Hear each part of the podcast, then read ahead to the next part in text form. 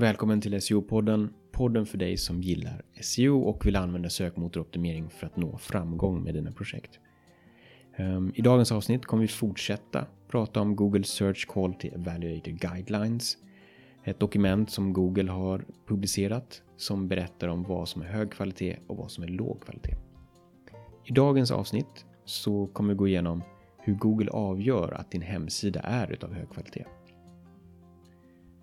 För att kunna avgöra om en hemsida är utav hög eller låg kvalitet så behöver du först förstå hemsidans syfte.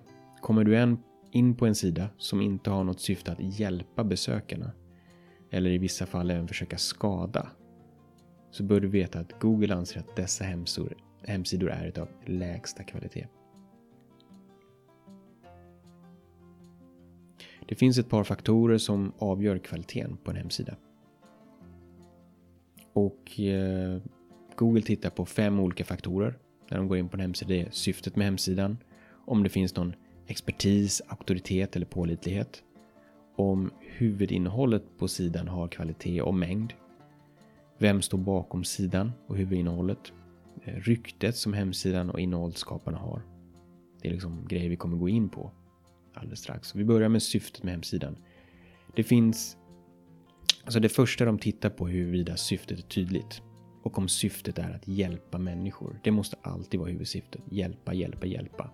I grund och botten handlar det om en hemsida ger ett positivt värde till besökarna eller inte. Och det här med positivt värde är viktigt att tänka på. För att Google vill inte att hemsidan ska sprida hat eller vilja skada eller sprida någon form av falsk information. Man ska ge ett positivt värde till någon. Nästa faktor är ju expertis, auktoritet och pålitlighet. Google förkortar dessa till EAT. Expertise, Authority and Trust.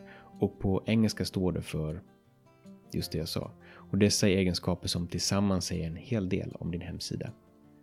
Under sin genomgång av din hemsida försöker Google avgöra huruvida hemsidan, alltså hemsidan är expert på sitt område. Om M-sidan anses ha auktoritet inom sitt område och om det går att lita på sidan. En annan faktor som Google tittar på det är ju om huvudinnehållet har både kvalitet och mängd. Och här får man gå igenom själva huvudinnehållet på sidan för att kunna avgöra om den är utav hög eller låg kvalitet. Och vad som är kvalitet är svårt att avgöra, utan där beror det helt på huruvida besökaren får det han eller hon är ute efter. Som regel brukar det dock alltid vara bäst att satsa på djup content kontra bred. Det vill säga skriv väldigt djupt om ett ämne och visa verkligen att du är expert på området istället för att skriva lite om mycket. Djup gör att du inte skapar lika ofta. Men det ser till att du har högre kvalitet. Och då hjälper du besökarna att få det de verkligen är ute efter. Ytterligare en faktor Google tittar på är vem står bakom hemsidan och själva huvudinnehållet. Det är bra med transparens. Han eller hon borde kunna, besökarna då, borde kunna lita på vem som står bakom en hemsida. Och eh, därför ska du se till att du skriver så pass mycket att besökarna får ett förtroende för er. Skulle det vara så att de är inne på en specifik sida och det de läser är bra så ska de snabbt kunna se vem som skapat själva innehållet. Typ namnet på skribenten eller filmskaparen eller den som ligger bakom. Ytterligare en faktor som är viktigt. Det är ryktet om hemsidan och innehållsskaparna. Går det att lita på personen som har skapat huvudinnehållet? Går det att lita på företaget som skrivit det här? Och du har själv full kontroll på vad som sägs på din hemsida. Men det är sällan man har kontroll över vad som sägs på andra externa hemsidor om dig. Och när Google står mellan att lita på vad du själv säger eller vad andra säger om dig så kommer de alltid att välja de andra externa källorna. Och anledningen är att du har ett större incitament att prata gott om dig. Mycket större incitament än vad andra har. Om du därför vill att din hemsida eller skribenter ska ha gott rykte så får du jobba på att se till att andra hemsidor skriver gott om dessa. Det räcker inte bara med en länk utan de behöver även säga något gott om dem. För bara en länk säger ingenting om din hemsida. Låt oss titta lite på EAT. Det som är expertis, auktoritet och pålitlighet. Och eh, du kommer säkert när du googlar på nätet hitta EAT, EAT på en del SEO-sajter. Och som vi nämnt tidigare är det viktigt att en sida uppfyller sitt syfte. Och syftet borde som sagt alltid vara att vara till positiv hjälp för andra.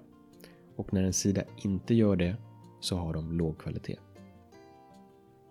Men låt oss anta att en hemsida uppfyller sitt syfte och är till hjälp för andra. Hur, hur, gör vi när det finns flera liknande hemsidor där samtliga är till hjälp för andra? I vilken ordning ska Google ranka dessa sidor? Och eh, det är i de här situationerna som vi kommer få jobba extra mycket med vår EAT EAT för att kunna särskilja vår hemsida från konkurrenternas hemsida. Om vi tittar på E1, expertis. Det första Google tittar på här är expertisen, det vill säga huruvida huvudinnehållet på sidan visar att den är en expert på området. Och ett sätt att kommunicera är som vi tidigare nämnt om djup kontra bredd. Det vill säga skapa så mycket relevant information du bara kan om ett ämne för att visa din expertis. Om vi kollar på A1, auktoritet. Det andra Google tittar på är just auktoriteten, det vill säga skaparen av innehållet eller hemsidan en auktoritet inom området.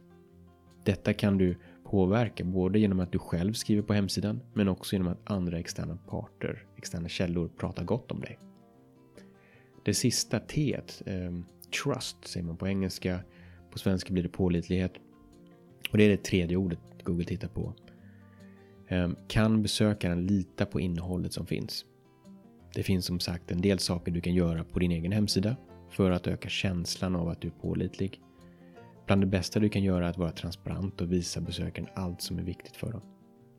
Om du exempelvis driver ett företag så kommer det vara väldigt viktigt för besökaren att hitta dina kontaktuppgifter så att de kan ringa, mejla eller besöka dig. Skulle du driva en webbutik är det en god idé att visa inte bara hur de kommer i kontakt med dig utan hur de eventuellt kan lämna tillbaka produkter och få pengar i retur. Sen kommer vi alltid också tillbaka till vad externa källor säger om dig. Det kommer alltid vara viktigt att jobba på det. Är du ett företag är det bra att du kan öka mängden och kvaliteten på externa källor som pratar om dig.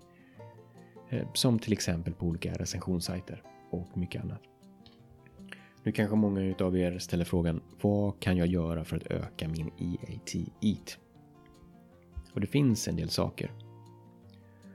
Um, och det spelar ingen roll egentligen om du driver en modeblogg, ett diskussionsforum eller en företagshemsida.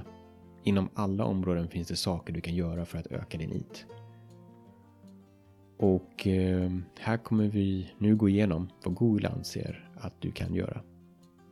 Och vi kommer gå igenom liksom olika typer av hemsidor, vad du kan göra. Vi börjar med hemsidor som har någon form av medicinsk rådgivning, hälsa. Eh, för att öka din IT så behöver du se till att det innehållet som du skapar skapas av personer eller organisationer som har tillräckligt med kompetens inom området de skriver om. Det kan exempelvis vara texter som skrivs av läkare. Det, om det är den typen av innehåll du skapar. Och, du skulle, och skulle man inte vara läkare utan någon annan expert är det alltid bra att denna personen är akkrediterad eller certifierad i någon form i en opartisk organisation. Och skriv gärna det. Så det går att liksom spåra och hitta personen på andra källor också. Att besökaren känner att hon kan lita på ditt huvudinnehåll är viktigt. Google vill visa att innehåll som ger medicinska råd skapas med professionell stil, redigeras, recenseras och uppdateras regelbundet. Så tänk på det. Eh, när du söker efter medicinsk rådgivning, vilka sidor är det som rankar allra högst upp? Kolla lite på om de har en professionell stil, att de redigeras, recenseras och uppdateras regelbundet. Det är ingen slump att 1177.se rankas så högt. Det är verkligen kvalitet bakom det och det märks. Låt oss titta på hemsidor där de har någon form av nyhetsartiklar. För att eh, din IT ska bli hög behöver dina artiklar skapas med journalistisk professionalitet och det kan betyda en hel del beroende på vem du frågar. Men för Google innebär det att informationen som presenteras, det är viktigt att den är korrekt.